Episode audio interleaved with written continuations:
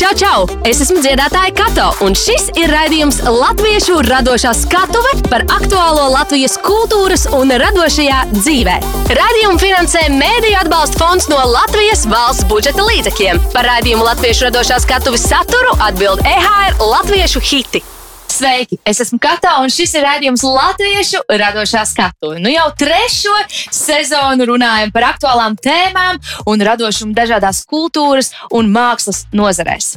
Ēdiens ēdināšana un ēdiena gatavošana, pasniegšana un viesmīlība. Tā ir atsevišķa nozare, ko ikdienā mēs nemēdzam asociēt ar uh, kaut ko ārkārtīgi radošu. Tā drīzāk ir pamatvajadzību apmierināšana, kas svētku reizēs uh, pārtop par galveno norisi. Nu, piemēram, kāds vakariņu uh, apmeklējums kādā izsmalcinātā restorānā. Cik radošs, daudzveidīgs un sociāli nozīmīgs, reizē arī aizraujošs var būt darbs ēdināšanas un viesmīlības industrijās, par to šīs dienas raidījumā. Uz sarunu esmu aicinājusi divus ļoti interesantus viesus. Vēstpils radošās maizes laboratorijas Rāmala radošo nodarbību vadītāja Ruta Šenkevica Sveiki, Sveika, Ruta. Sveiki. Eh, Latvijas garšu pētnieks, profesionāls pavārs un turklāt vēl jaunā Rīgas teātra aktieris Ritvars Toms Logins. Sveiks! Sveiki! No sava profesionālā skatu punkta raugoties, eh, vai darbs ēdināšanā un viesmīlībā, jūsuprāt, ir radošs? Pilnīgi noteikti, un es domāju, radoši no, no dažādiem aspektiem, jo šobrīd tas, kas notiek pasaulē un, un arī Latvijā, noteikti nu, liek jebkuram, kurš strādā šajā nozarē, būt ļoti radošam. Jā, izdzīvošanas ziņā noteikti meklēt veidus, kā izdzīvot. Tīpaši pēdējos gados tas ir radoši. Jā. Bet uh, tur jābūt radošai domāšanai. Bet es domāju, ka tādā varbūt lielākā kontekstā raugoties, jā un nē. Jo eh, tādā ikdienas rutinētajā darbā, ar kādu mēs arī saskaramies cilvēkiem, kas tādu strādā, ejot uz restorānu, bieži vien eh, tur ir tādas, nu, protams, radošas puses un eh, veidi, kā orķestrēt, piemēram, kaut kādu sarežģītas situācijas, kas bieži vien tev, tev stājas ceļā. Bet kopumā tas darbs ikdienā bieži vien ir tāds, nu jā, rutinēts un dažkārt tādas, tāds cehveidīgs. Tā radošā puse ir tajā radīšanas uh, stadijā, tur ēdienkartes izdomāšanā, ēdienu iz, izdomāšanā, konceptu izdomāšanā, pasākumos un tā un vēl joprojām. Uh, līdz ar to es domāju, ka tas ceļš, kuru noiet katrs pavārs strādājot restorānā, tas gala mērķis, protams, ir tā pilnīgi radošā nodarbošanās, uz kur arī tie visi pavāri tomēr gribiet. Jā, nu, tur runā par pavāriem, mm. jā, bet es gribētu pieminēt, ka šajā industrijā strādā komanda, kur ir ne tikai pavārs, tur ir daudz protams. un, un dažādi cilvēki, kas ir iesaistīti, lai jebkurš, kurš atnāk uz restorānu vai, vai kafejnīcu vai tas vienkārši bistro caurskrienot, jā, lai lai cilvēks sajustos gaidīts, priecīgs, apmierināts gal galā, jā, un, un tur vajag tiešām ļoti radošu pieeju, jā, jo mūsdienās tas ko, tas, ko tu minēji, varbūt ir tiešām tādiem mm. restorāniem, kur ir uh, ilga darbība, un šis restorāns jau ir sev pierādījis un, un, un, un, un darbojās, bet jaunie un īpaši provincē. Un es gribu teikt, Vēnspils tā ir province, tomēr, ja, kad uh, tas darbs ir daudz sarežģītāks, un viņš varbūt nav tik uh, ikdienišķs un, un nav tāda rutīna, jo katra diena pienāk ar, ar, ar, ar, ar pārsteigumiem, jā, jo, jo varbūt notikt, kā jau saka, da jebkas. Jā, uh, vienu dienu cilvēki ir, otru dienu cilvēki nav. Uh, un, un, bet tev ir jāspēj izdzīvot, tev ir jāspēj mm. piedāvāt, tev ir jāspēj ok, šito neņem, domājam, ko mēs mainām, jā, un jābūt ļoti elastīgam un, un, un tiešām radošam. Jā, kā jau minēju, mm -hmm. te, tieši tā es arī minēju, sakot, ka um, ikdienā ir šīs lietas, ar ko ir uh, jāstrādā, un šīs negaidītās uh, dažādas uh, nu, problēmas, kas jārisina ar cilvēku esamību, nesamību un tā tālāk. Bet jā, noteikti tādam uzņēmējiem tas ir ļoti radošs darbs. Es tieši, jā, es tieši runāju no tāda pavāra viedokļa, bet, mm -hmm. protams, es uzskatu, ka arī viesmīlības darbs ir neticami radošs un prasa bieži vien arī ļoti daudz radošās enerģijas un pacietības darbā ar, eh, ar klientiem. Situācija ir izsnāta. Jā, jā, jā un, eh, un terapeitiski varbūt arī spēju tādu pieslēgties cilvēkiem. Līdz ar to jā, tas viennozīmīgi. Es uzskatu, ka, protams, kopumā tas, ko cilvēki varbūt tīpaši mūsu reģionā nejūt, ir tas, ka tā ir radošā profesija un aiziet uz restorānu. Ir tāda pati performance un tāds pats nu, notikums, kā aiziet uz teātri, operu vai koncertu. Tas man liekas, tas ir tas svarīgākais, ko, uz ko es ceru un ceru, ka mēs kopā kā sabiedrība uz to pamazām virzāmies. Kādas ir aktuālās nozares tendences? Proti, kā pašlaik izskatās ēdināšanas industrija un kā tā mainās reaģējot uz pasaulē notiekošo, piemēram, klimata pārmaiņām, mums jau visiem zināmo pandēmiju un dažādām, dažādiem vēl eh, netik pozitīviem notikumiem? Nu jā, nu, visas šīs te tendences visciešākajā veidā arī atspoguļojas mūsu darbā. Jā. Klimata pārmaiņas. Nu, es teikšu tā, ka ja vēl kaut kādus gadus, trīs, četrus atpakaļ man kāds teica, ka Ventspīlī ir vegāni, ja, tad visi brīnījās, kā tā nevar būt. Ja, tad šobrīd tas ir ļoti normāls process un sabiedrībā ir ļoti daudz cilvēku, ja, kas, kas, kas visu šo domāšanas veidu ir mainījuši. Ja, un, un, un patiesībā mūsu klienti ir pamatā arī ir jaunieši, jaunas māmiņas, ģimenes, ja, kas, kas ar savu pārliecību nu, atbalsta ja, šīs idejas karš. Jā. Es, es vienmēr brīnos un skatos, Bet, bet ne tādā negatīvā nozīmē, kad ir ļoti daudz ēdināšanas uzņēmumu, kas izmanto šo kā tādu mārketinga triku. Jā, Reku mums strādā Ukraiņi. Taisam boršu. Jā, taisam boršu un tā tālāk. Jā, mums arī strādā Ukraiņi. Jā, bet mēs to kaut kā, nezinu, kaut kādas citas tās varbūt iekšējās vērtības lietas, mēs to kā mārketinga triku nepasniedzam. Jā. Bet tā ir nu, mūsu pārliecība. Ok, citi to izmanto. Jā. Un, un, un tā, jebkura, jebkura sabiedrība sabiedrībā notiekoša lieta, viņa nu, visciešākā veidā uzreiz būs pie mums, vai ne? Un, un redzēsim, kas notiek arī ēdināšanā. Nu, jā, pēdējo pāris gadu notikumi ļoti e, ietekmē, ietekmējuši vispār visu kulinārijas vidi. Es atkal tomēr runāšu par to restorānu tieši vidi. Un jāsaka, ka, protams, ka sākotnēji tas pirmais ir pasūtīšana uz mājām, ka, ar ko arī arvien vairāk sāk nodarboties restorāni un šefpavāri, un arī pasaules slaveni šefpavāri pēkšņi sāk piedāvāt ēdienus, kur ir sadalīti pa sastāvdaļām, ko tu vari salikt mājās, lai justos kā restorānā. Un tas, protams, ir ļoti izmainījis vispār to, kā mēs uztveram, kā, kā, ko nozīmē pāriest un, un tā teikt, varbūt svinīgi pāriest. Mm, par pašiem restorāniem runājot, skaidrs, to redzēt gan gan vispār, jebkuros kultūras, eh, jebkurās kultūras vietās un pasākumos, arī teātrī, ka cilvēku tomēr paradumi ir mainījušies. Un eh, cilvēki arī uz restorāniem mm, iet, es neteiktu, ka retāk, bet uh, kopumā tas, eh, tā izvēle iet vai neiet, tomēr šī vairākas lietas uz neiet. Es varu arī mājās, varu tā un varu pasūtīt un tā tālāk. Tādēļ, eh, nu, tādā pasaules kontekstā var ļoti just, ka restorāni ar vien vairāk izvēlas um, dažādus trikus, arī, mm. kā mēs runājam par mārketinga lietām, kas piesaista cilvēkus. Piemēram, Kopenhāgenā tikko ir atvērts pirms pusgada disko restorāns, kur tu ieej tādā šķērsielā, atvērs tādu garā garāžas vārti, tur ir disko mūzika, skan, uh, skan un visādas gaismiņas, un tu ienāc iekšā, un tev sagaida ar dzērieniem, un ved iekšā, un var sakot, tā kļūst ar vien par performatīvāku tādu mākslu savienojošu. Jā, jā, un tas vairs nav tikai par pārēšanu. Uh, tas ir viens no veidiem, kā, kā, kā tad restorāni cīnās uh, atgūt to klientu. Vai mēs šobrīd varam teikt, ka cilvēki vairāk sākuši sekot līdzi tam, kas ir uz viņu šķīviem, un ātrā ēdināšana vairs nav tik populāra, bet daudz jaukāk ir varbūt lēnām izbaudīt ēdienu, novērtēt to un novērtēt arī vietu, kur cilvēks atrodas.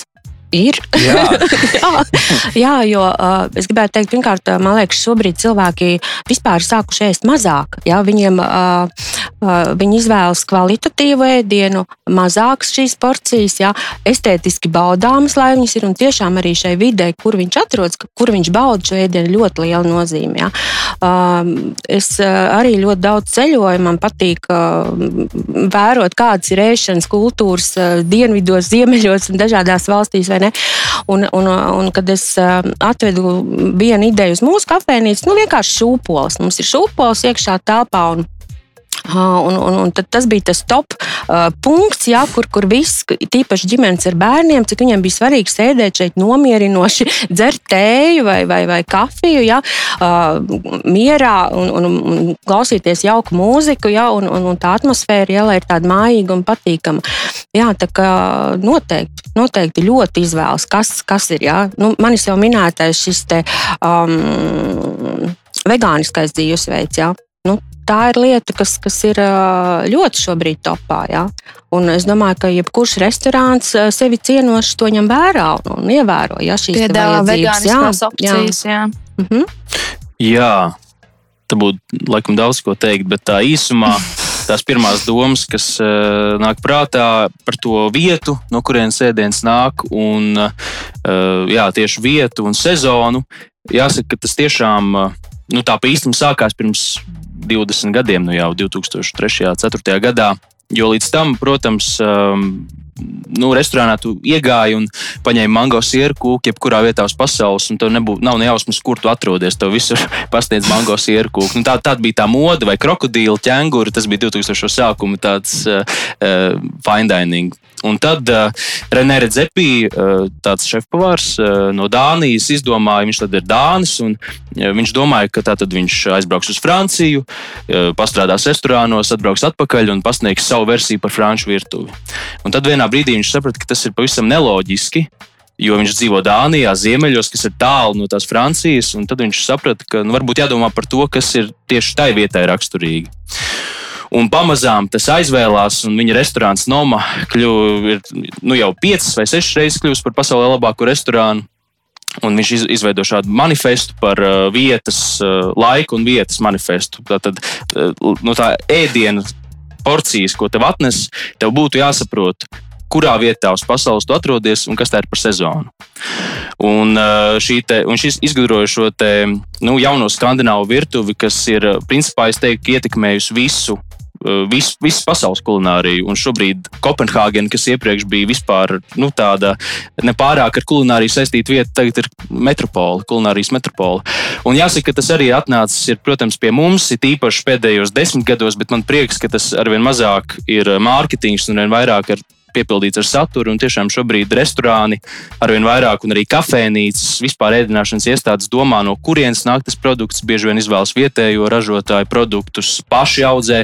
Daudziem restorāniem ir savi dārziņi, kas man liekas mm. ģeniāli. Un, uh, un tādā pasaules kontekstā, uz ko mēs varētu tiekties, piemēram, Oslo ir tāds restorāns Maemo kuri uh, cenšas visu šo te, ko viņi ir saražojuši. Tātad uh, viss, kas paliek kompostā, viņi liek kompostā, pēc tam šajā zemītē audzē jaunus dārzeņus, un tādā veidā viņiem principā veidojas tāda naturālā saimniecība. Uh, nu, tas tikai kā kaut kāds piemērs. Bet vēl kas man tieši Covid laikā šķiet ļoti ko es pats esmu sevī jutis un arī jūtu arī teātrī, uh, arī, arī pēc, gan pēc pandēmijas, gan pēc kara sākuma, ka cilvēki meklē vietas, kur aizmirsties. Kur atpūsties no ikdienas raizēm. Gan, un, uh, es uzskatu, ka ēdināšanas, labas ēdināšanas vietas ir tāda, tāda, tā, tāda telpa, kurā tu vari aizmirsties un baudīt. Un tāpēc tiešām šķiet, ka cilvēki ar vien vairāk to novērtē un arī iet uz to. Jā, man liekas, nevar būt nekas labāks. Ne, neviens kompliments, ja mm. klients ejot projām, viņš pasakā, paldies, bija ļoti garšīgi, un pie jums ir ļoti burvīga atmosfēra. Jā. Jā? Tas ir, liekas, tas vienmēr nāk no mm -hmm. sirds. Ne? Jā, un Tāds to tā lietas. nevar. Tā... Neviens to tā neteiks tāpat vien. Jā, Latvijā. Amerikā būtu hey. desmitiem uzslavu. Mēs esam godīgi tauts, mēs esam godīgi, godprātīgi. Latviešu radošā skatuve. Mēs turpinām sarunu, un, un ja mēs runājam par ēdināšanu, tad dizains šajā nozarē e, ir svarīgs ne tikai interjera kontekstā, bet arī veidā, kā ēdiens izskatās un e, tiek pasniegts uz mūsu šķīviem. Un, e, protams, laimīgā kārtā maināzes e, rotiņa restīte ir mazliet e, noiecētaps, lai gan man reizēm patīk arī maināzes rotiņa. Uh, bet jautājums, kas tad šodien ir stilīgs ēdienu pasniegšanas veids un, un kādu dizainu mums ir jāveido uz saviem šķīviem. Nu, man šķiet, ka vienkāršība, elegance un kaut kāds nu, patiesums, laikam, tas, tas būtu tie īstie vārdi. Jo 2000. gadu uh, arī jāsaka restīti, kas, piemēram, es eh, nesen uzgāju 2001. gadu, man šķiet, kaut kādu žurnālu, kur bija Mārtiņa rītiņa recepte, kur bija karbonāda ar majonēzes restīti. Tad viņš arī, mm. uh, viņš arī bija piekritējis. piekritējis mm -hmm. nu, lūk, bet, bet šobrīd jāsaka, ka arvien vairāk ir visi šie klasiskie baltie šķīvi, apaļie vai kvadrātainie.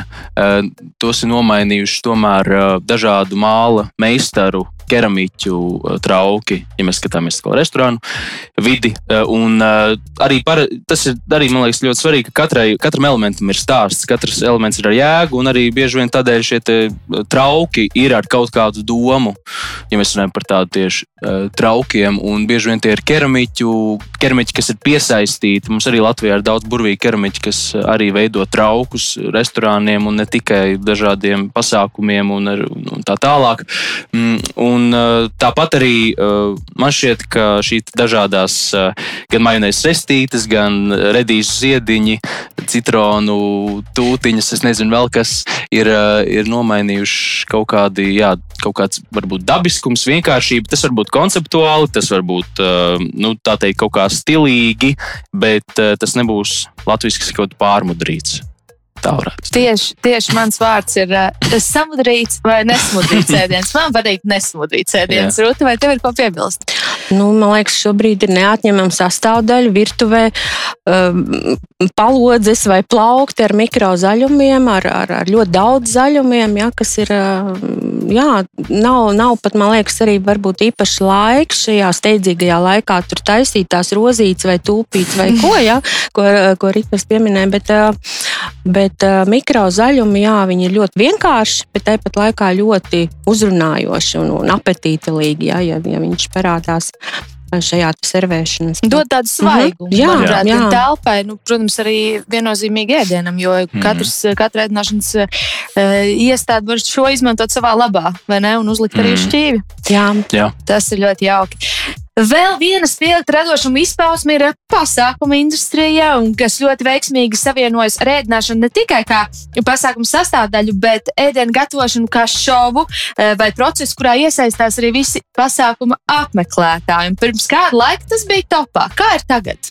Nu, notiek gan. E, notiek, e, it īpaši Covid periodā bija ļoti vismaz iz savas pieredzes var teikt, populāri pasākumi, tīpaši darba kolektīviem, kur eh, cilvēku kolektīvs, darba kolektīvs dodas mežā, dodas ar pavāru kopā pārgājienā, un tad gala punktā kopā tāda notiek gatavošanas meistarklase, kur tiek radīts tas ēdiens uz ugunskura. Tas bija tas tāds koncepts, ko, piemēram, es piekopu un brīžos. Un mežā viņi kaut ko lasīja arī? Uh, jā, tas gan bija vairāk ziemas periodā, ja tīpaši šajā pandēmijas periodā, kad mēs drīkstējām tikties, bet uh, mēs nedrīkstējām konkrēts cilvēku skaits kopā darboties iekštelpās, bet ārā to drīkstēja darīt. Tas bija veids, kā daudz kolektīvi izlēma, ka varbūt korporatīvu pasākumu vietā gribas kaut ko pie dabas, ko drīkst darīt, un ko varbūt ko svaigu, un interesantu un aktīvu. Bet eh, šī iesaiste, man liekas, ka cilvēku iesaiste, cilvēki grib iesaistīties ar vien vairāk, neskatīties uz, uz šoviem, bet būt klātesoši piedalīties? Jā, mēs esam tāds neliels uzņēmums, bet ar visu to šajā pandēmijas laikā mēs varējām atļauties šos privātos pasākumus noteiktam skaitam. Un, un tad cilvēki bija pārlaimīgi un teica, vismaz jūs esat, kur, kur, kur var nākt un kopā kaut ko darīt, jā, jo visi citi pasākumi ir slēgti un nenotiek. Un, un ēšana, ēšana um, tas ir viens, bet ēst gatavošana tas ir pilnīgi kaut kas cits. Un tas ir tāds sociāls process process, kur, kur katram ir jākļūst par dalībnieku, jā, noteikti, lai viņš izjustu, lai izbaudītu. Un, un, un, un, un, un tas, jā, tas bija ļoti, ļoti populāri un ir joprojām populāri. TV industrijā ir atsevišķs virziens, ko sauc par kulinārijas šoviem. No malas var šķist, ka tā ir tāda sabiedrības, iespējams, turīgo slāņu tīksmināšanās par iespējām iespējām apmierināt eh, savas garšas kārpiņas eh, vissarežģītākajā veidā, nosaucot pēc iespējas vairāk garšvielu un produktu, eh, ko Latvijā var dabūt vien retajos veikalos un ievērojami pārmaksājot. Kāds ir jūsu viedoklis par šo? Es, es laikam esmu tas cilvēks, kurš arī, kurš arī skatās šovus, bet es skatos tādos profesionālos nolūkos, un man, mani šovi ir tie, kur ir maksimāli vienkārši, ātri uh, un efektīvi, lai, lai tas rezultāts būtu tāds uzreiz arī redzams, baudāms un ātrā laikā. Uh, tāpēc man laikam šis liekas tāds stereotipisks. Nu, tas, tas, kā tikko nolasīju un teicu, ka tā, ja. uh, es, es laikam tam nepiekritīšu. Bet jā, bet ir arī pilnīgi cita, cita veida šovi noteikti, kur, kur šis ir. Kurš ir jūsu mīļākais šovs? Man nav tāds viens noteikts. Es neesmu tāds izvirzījis sev kādu autoritāti vai, vai, vai kurš ir favorīts. Par cik man darbošanās ir vairāk ar bērniem, man ļoti patīk visi šovi, kur ir bērni iekšā iesaistīti tajā procesā. Jo es skatos tādas kaut kādas knifiņas, ko es varētu savā darbā izmantot. Tāpēc jā, man nav, man nav viens tāds konkrēts, kur es varētu izcelt un teikt, oh, šis ir mans. Šādi ar bērniem ir ļoti, ļoti interesanti. Man, šķiet, man, man patiesībā liekas, ka tur mm. tas, ko viņi dara, ir ārkārtīgi sarežģīti un vienmēr nepamatā sajūta, vai tiešām tas viss ir nu, pīstami. Jā, un ziniet, strādājot ar bērniem, es pārliecinos, ka arī paši bērni šo šovu skatās. No viņi oh. atnāk un viņi jautā, es tur redzēju tādu, tādu vienu niansi, vai to varētu pamēģināt. Jā? Nu, es pieņemu, ka jā, kad viņi arī seko, un ir noteikti ir bērnu tāda daļa, kas ir ļoti aktīvi gatava skolotāji, ja, un, un, un, un, un varbūt ne viņi domā nākotnē kļūt par izciliem pavāriem, bet tādā hobija līmenī, jā, Mums Latvijā arī vajag šādu šovu. Mums skatās, kāds televīzijas pārstāvs lūdzu mums eh, bērnu, eh, bērnu pavāru šovu, ēdienu gatavošanas šovu. Jā, bet eh, es tieši runāju par šiem šoviem un bērniem, kas to skatās. Es biju viens no tiem bērniem, kurš iedvesmojās šādā veidā pirms jau daudz gadiem, salīdzinoši. Skatoties Mārtiņas sirmā, piemēram, Protams. sirmā ēdienkartē, un es esmu piemērs tam, ka tas tiešām var būt iedvesmas avots. Un, um, man tieši nesen sanāca uh, runāt ar Mārtiņu. Uh, es viņu intervēju, jo man bija kulinārijas podkāsts un raidi, radio raidījums četras gadus, un to noslēdzu ar uzaicinot Mārtiņu ciemos un parunājot un pastāstot viņam, atz, atzīstoties šajā te, ka es, viņš ir tavs augs. Uh, mans iedvesmas avots, jā, un Elks arī noteikti bērnībā. Un viņš patiesībā, jā, es prasīju, kā viņš nonāca pie raidījuma veidošanas un kādēļ viņš to vispār darīja. Un viņš tā arī pateica, ka tas bija brīdis, Un tas raidījums lielā mērā bija tas, kas mainīja to, kā tiek uztverti pavāri Latvijā. Ka tā vairs nebija profesija, kuriem ir jātu pagrabā, kurus nekādā veidā nevajag ieraudzīt, lai tikai atnāk tas ēdiens un viņi kaut kur tur ir bet uh, tā profesija ieguva kaut kādu citu jēgu, un viņš arī gribēja parādīt, vispār, ka tajā brīdī bija tās lielās pārmaiņas, kurās gatavošana vairs nebija tikai tur tantēm kaut kur, kaut kādās nezinu, ēdnīcās vai kaut kas tāds nepatīkams, ka jebkurš to var darīt, un jebkur, jebkurš uh, spēj to izdarīt. Un šķiet, ka tā tiešām ir tāda sabiedrības izglītošana, un tas ir daudz kas vairāk par vienkārši šovu. Protams, ka arī ir tādi šovi, un tas arī ir ļoti labi. Un, uh, es arī saprotu, no kurienes nāk tas stereotips par to sarežģītību, jo es ticu, ka daudziem tā paša Mārtiņa rītiņa, lai viņam bija viegls smiltis, uh, pavāru šovs šķita daudziem pilnīgs kosmos. Bet tagad, skatoties, man liekas, ka to raidījumu skatījās pat vairāk pavāri, jo viņš ienes to pasaules elpu. Un brīdī, piemēram, 90. gados, kad tas, šis raidījums bija ļoti aktuāls, un pavāri vēl kaut kā meklēja kaut kādus, eh, eh, nu, nezinu, pieturpunktus vai kaut kā aiz kā aizķerties, kur meklēt to pasaules elpu, viņš bija tas, kurš pavērtās durvis. Līdz ar to es teiktu, ka šie raidījumi, tīpaši labākie raidījumi, patiesībā lielā, lielā kontekstā maina bieži vien sabiedrības uztveri par lietām. Un vēl es domāju par Mārtiņa rītņa rēķiniem, vai tas nenotika tādā laikā, kad vienkārši mums Latvijā nebija pieejams eh, pietiekami liels preču. Eh, klāsts. Tieši tāpēc varbūt lielākajai daļai cilvēku likās, ka tas ir tik ļoti neaizsniedzami un sarežģīti. Bet patiesībā jau visticamāk, nemaz tik ļoti sarežģīti tas nebija. Mums vienkārši bija izēviela. Tas gan, jā, tie paši, piemēram, Cēzara salāti. Viņš parādīja, ka var salātus griezt nevis visus kubiņos, rosolā, bet var, ka var arī plēst lapas un tā. Un kas varbūt tajā brīdī arī likās kaut kas pilnīgi, nu, jā, bet tagad šķiet pilnīgi pašsaprotami. Un tas ir tas izglītošanas, jā, vai ne? Pilnīgi mhm. izglītošana, arī, arī Mārtiņa gadījumā, jā. Latviešu radošā skatuve Es jau raidījuma sākumā minēju, ka šīs dienas viesiem ir ļoti interesanti uh, profesionālie profili. Radošā maizes laboratorija jau izklausās kaut kas nedzirdēts, un pavāra kombinācija ar aktieru arī uz, uh, uz, katru, uz katru stūra nav iespējams satikt. Ruta, jautājums jums! Ēdienu gatavošana un pasniegšana kā terapija. Man eh, tas ir kaut kas jauns. Es neesmu piedalījusies eh, šādā notikumā, eh, bet tieši to piedāvā radošā maizes laboratorija Ramava.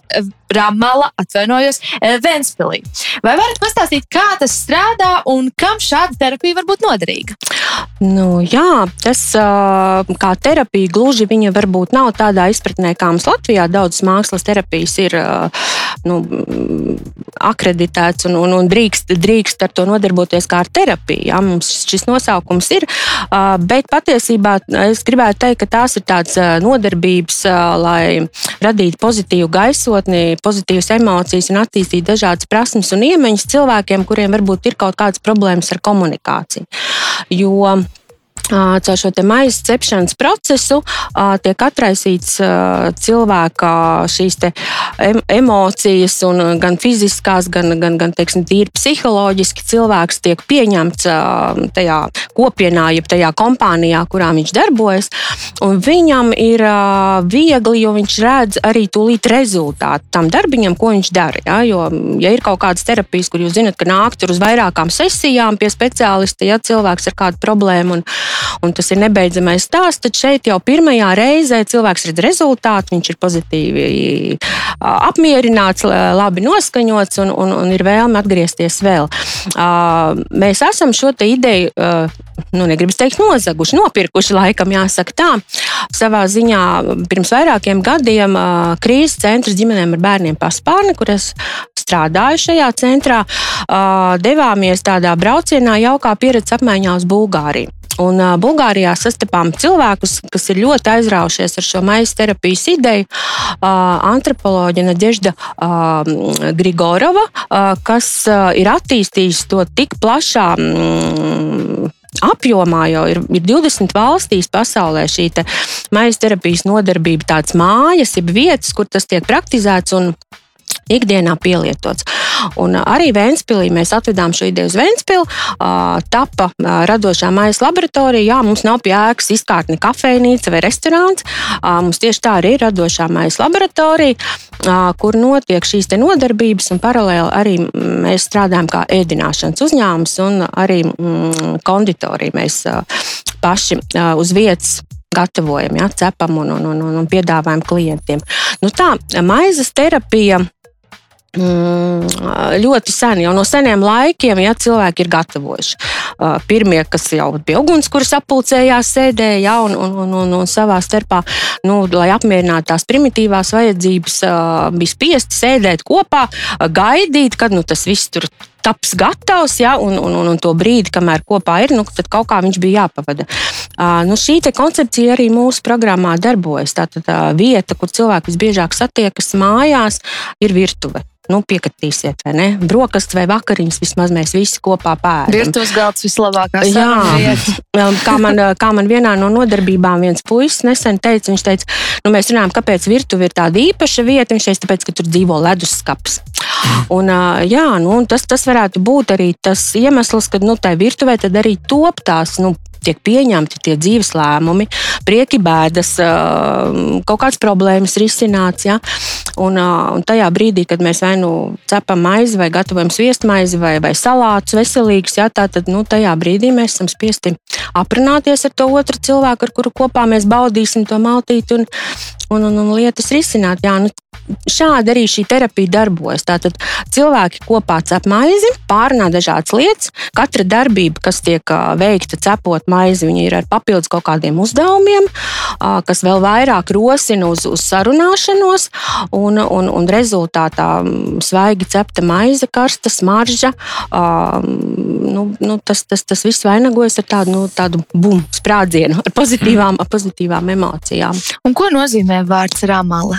Nu, tieši to radošā maizes laboratorija. Mm. Jā, es arī neuztvēru. Jā, bet uh, indiešiem ir, ir šis vārds rāmala arī ļoti populārs uh, valodā. Un viņš, mēs, mēs pat sapriecājāmies, kad pētījām, jā, meklējām, varbūt ir kaut kur šīs asociācijas attīstību uz augšu vai kaut kas tam līdzīgs. Jā, mm. kā mums tas ļoti labi der. Bet nu, pavisam vienkārši pirmie burti no radošā maize laboratorija. Vai jūs zināt vēl kādus interesantus piemērus, vai varbūt jums ir kādas nerealizētas eh, idejas vai sapņi, kur ēdināšana ir veids, kā palīdzēt cilvēkiem un darīt eh, kādu nozīmīgu darbu? Oh, nu sapnis ir, ka šis nebeigtos, vai ne? Jo, jo patiesībā mums ļoti iztraucēja šis pandēmijas laiks. Mēs savu uzņēmumu šo nodarbošanos ar maisa cepšanu, kā terapeitisku un arī kā izklaides pasākumu, jo mums ļoti daudz nāk svinēt eh, dažādus svētkus, ģimenes, bērni, darba kolektīvi. Visu šo pasākumu iztraucēja pandēmija. Tad tāds bija bijis tāds bremzīte, ja kaut kādu gadu vairāk. Un, un, un, un, un tas sapnis ir, jā, ka to varētu attīstīt plašāk, vairāk. Uh, jo, ja runājam par terapiju, tad uh, mums ir divas organizācijas, kas ļoti regulāri nāk, un šis ir tas mūsu sociālais mērķis. Uh, pateicoties tam, ka citi nāk ēst pusdienas, vai, vai kafiju, vai, vai svin svētkus, tad uh, Ventspīlī ir divas organizācijas krīzes centrs ģimenēm ar bērniem paspārni, uh, kas sniedz pakalpojumus pakalpojums vardarbībā cietušām personām. Un ir centrs Cimdiņš, kur tiekas ikdienā bērni un pieaugušie ar īpašām vajadzībām. Tad lūk, šie divi organizāciju klienti nāk pie mums ar šīm terapijas nodarbībām, un mēs ļoti redzam to progresu. Ja? Un, un, un redzam, īpaši runājot par cilvēkiem ar īpašām vajadzībām, ka tās prasmes, ko viņi attīsta mūsu nodarbībās, kā, nu, kā tas um, progresē viņu nu, tīri tādā uh, fiziskajā labsajūtā un arī, protams, psiholoģiskajā psiholoģiskajā, no tādām regulārām tikšanās reizēm, kopā sarunām, gatavošanām, plus vēl viss sīkā motorika. Un, nu, es neizplūdīšu gari, ja, bet tiešām tas ir process, kurš ir jāturpina. Ja. Tā kā, mūsu sapnis ir, lai tas nebeigtos. Un, un, un, un, un negribas runāt par negatīvām lietām šobrīd, jā, bet es domāju, ka mums arī kā tādai radošai, radošam uzņēmumam ir ļoti daudz šobrīd izaicinājumu. Jā, gan, gan laiks, kurā mēs strādājam, gan, gan viss, kas saistīts ar ekonomiku un tā tālāk. Sapnis noturēties, strādāt, tad jau būs nākamās, nākamās lietas, par ko sapņot. Mm. Šis bija stāsts par radošo maizes laboratoriju Rāmala. Latviešu radošā skatuve. Rītvar, ķeramies pie tevis. Pavārmāksla un teātris. Kā šīs divas lietas satikās tavā dzīvē? E, pa kārtām, reizē nē. Bet e, tas sākās viss ar to, ka es bērnībā gāju teātrī. Un tas jau, jau no bērnības un vecākus turien vedu un, un, un, un, un uz profesionāliem teātriem. Man pašam patika spēlēt. Un tad kaut kur pusauģu gados eh, kaut kā tas vairs nelikās eh, stilīgi un forši, bet piesaistīja ļoti pavāra māksla. Un kā jau minēju iepriekš, tad Mārtiņas pirmā raidījumi bija tie, tas, tas pirmais punkts. Un mans tēvs, kura, kuram vispār profesija nav saistīta ar pavāru mākslu, viņš uh, brīvajā laikā eksperimentēja visu kaut ko, un tas man kaut kā iedvesmoja pašam to, to darīt. Un tad uh, loģiskā kārtā es uh, pēc 7. klases sāku strādāt pavasarām restorānos un uh, mācīties no, no labiem pavāriem. Un, protams, ļoti daudz arī pats lasīt, pats mēģināt, ļoti daudz eksperimentēju. Bija ļoti daudz ambīciju, dažādu, un pamazām ar katru brīdi ar vien uh, nu, kaut kā tā pieredze pieauga, un arī, un arī uh, kaut kādas tās ambīcijas, un, un tas ceļš meklēt tieši to Latvijas garšu, meklēt, kas tad ir tieši mums īpašs un raksturīgs. Un kaut kā tās, jā, sāk nākt kaut kādi piedāvājumi uz intervijām, kaut kādam paš, pašam taisīt kaut kādus pasākumus, pašam vadīt uh, savu kulinārijas radio raidījumu. Un tā kaut kā tas notika diezgan strauji un ātri. Un, jā, un tad jau tad, tad vienā brīdī kaut kā šķita, ka, ka tie griezti šeit kaut kādā ziņā ir sasniegti, un es mēģināju virzīties uz ār, ārvalstīm, un tur nedaudz pastrādāju, papraksējos. Taču, jā, kaut kā, kā jau arī laikam raidījuma sākumā es minēju, ka man tiešām tieši tā radošā puse piesaista tāda tieši šī ēdienu domāšana, garšu savienošana, filozofija, autora vakariņas, vispār kaut kas tieši šis, te, šis skaistais. Man piesaistīja tieši tas, ka tu caur šo porciju neko nepasakot, vienkārši noliekot cilvēkam to uz galda, tu vari nodot kaut kādas emocijas, radīt kaut kādu reakciju, neko nepasakot vai tā ir kāda bērnības sajūta, kaut kā tas var būt arī spilgtas emocijas. Man pašam tādas ir bijušas no ēdiena. Nu, lūk, tas, tad es sapratu, sapratu, ka tas ir tas, kas man piesaistīja. Taču tā mīlestība pret teātri jau nekur nepazuda. Es turpināju apmeklēt teātri un, un, un tā vienkārši darbojos varbūt citā nozarē. Un tad viens draugs, kā jau ir klasiski šie stāsti, um, teica, Klau, jaunais Rīgas teātris uzņem kursu vienīgo reizi dzīvē. Nu, atnāc man līdzi, un es teicu, nu, kāds sakars, nu, neiešu, es, eh, nu, ko, kāds ir aktieris un tā tālāk. Un tad, Standarts. Protams, pusgadu vēlāk es. Eh, es aizgāju, pamēģināju uz tiem iestāju eksāmeniem, kas bija ilgstoši, sarežģīti, un 300 cilvēki mēģināja iestāties. Un eh, tiku Jā, un draugs netika. Protams, kā tas vienmēr ir. Standarts. Standarts, standarts stāsts. nu, jā, nu, lūk, un šobrīd es tieši tikko esmu pabeidzis Latvijas Kultūras Akadēmiju un esmu uzsācis darbu jaunajā Rīgas teātrī kā aktieris. Līdz ar to, jā, šobrīd šī pavāra, pavāra mākslas puse, es noteikti to nepazaudēšu. Lai arī mans pamatdarbs ir uh, teātrī, es noteikti to vēlos turpināt kā tādu profesionālu hobiju. Bet, Klau, bet kāda ir tā Latvijas garša? Tu vari mm. aprakstīt, kāda ir Latvijas garša un, un kādos kulinārijos piedzīvojumos, varbūt tādos nozīmīgos, tu esi piedalījies? Jā, ja es būtu radis atbildi uz šo jautājumu, es laikam ar to vairs nenodarbotos, visticamāk. Bet um, nu, tas meklēšanas ceļš, jā, šķiet ļoti interesants. Tas ir skaisti, ka to var meklēt dabā, to var meklēt uh, mūsu saknēs un vēsturē ko, ko ir ēduši mūsu senči. Un uh, meklēt jaunus veidus, kā to, kā to pasniegt. Un, uh, jāsaka, ka tiešām Latvija bija uh, 20. un 30. gados brīvvalsts laikā bija nu, tāda gastronomijas meka. Uz šejienes brauca uh, no Eiropas dažādi mākslinieki un arī savos dažādos pierakstos un dienas grāmatās ir rakstījuši piemēram, franču violnieki un, un dažādi vispār Eiropas dažādi svarīgi cilvēki ir teikuši, jā, ka nu šeit nu gan te, te var braukt un baudīt. Lūk, tas, tas arī tāds, jau kļūst par tādu antropoloģisku nedaudz pētījumu, kas man ļoti patīk arī, ko Rūta teica par šo viņas pieejamību, kas arī ir daudz vairāk par ēdienu. Tas, nav, tas vairs nav tikai par, par ēšanu vai gatavošanu. Ap, jā, jā. Tas ir par ko vairāk. Un tas, laikam, arī tas, tas ir tā, tā sadaļa, par to, kas ir, kas ir vairāk par gatavošanu, tā arī man interesēja. Un, protams, ka man tā atbilde lielā mērā arī ir līdzīga kā mans pieminētajam Renē Dzepī, ka tas ir laiks un vieta.